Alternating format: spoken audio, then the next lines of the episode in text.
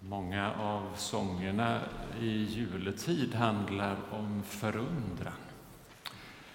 Vi som var med här under några höstveckor under planeten jorden Gaia som hängde här, kroken är kvar där uppe, eh, mötte många förundrade människor och vi förundrades över alla dessa förundrade människor.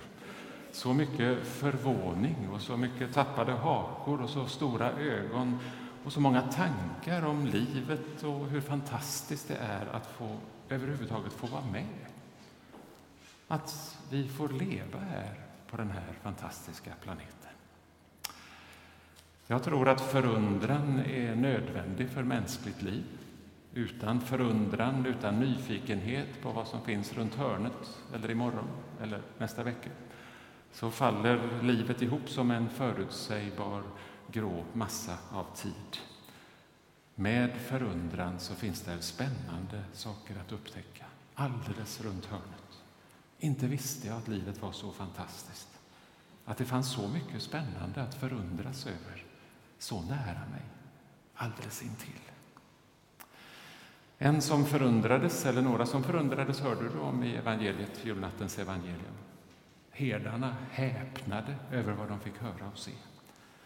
Jesu mamma Maria måste ju också ha häpnat där i stallet. Tänk dig att sitta där utmattad efter din första förlossning, kyssa din lille pojk på pannan och undra men vad ska det bli av den här lille? Vad kommer han att få gå igenom? Hur kommer hans liv att bli? Precis som jag kan tänka mig att de flesta som har fött barn gör och tänker när man sitter där.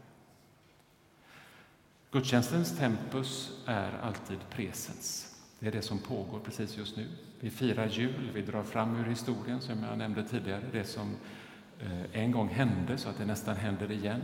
Vi sjöng inte Stilla natt här, eh, oss har blivit en frälsare född, utan oss är en frälsare född. Och på psalm efter psalm, texter, kommer du att märka det här att gudstjänstens tempus är presens. Hans födelse var lika verklig som din och min födelse.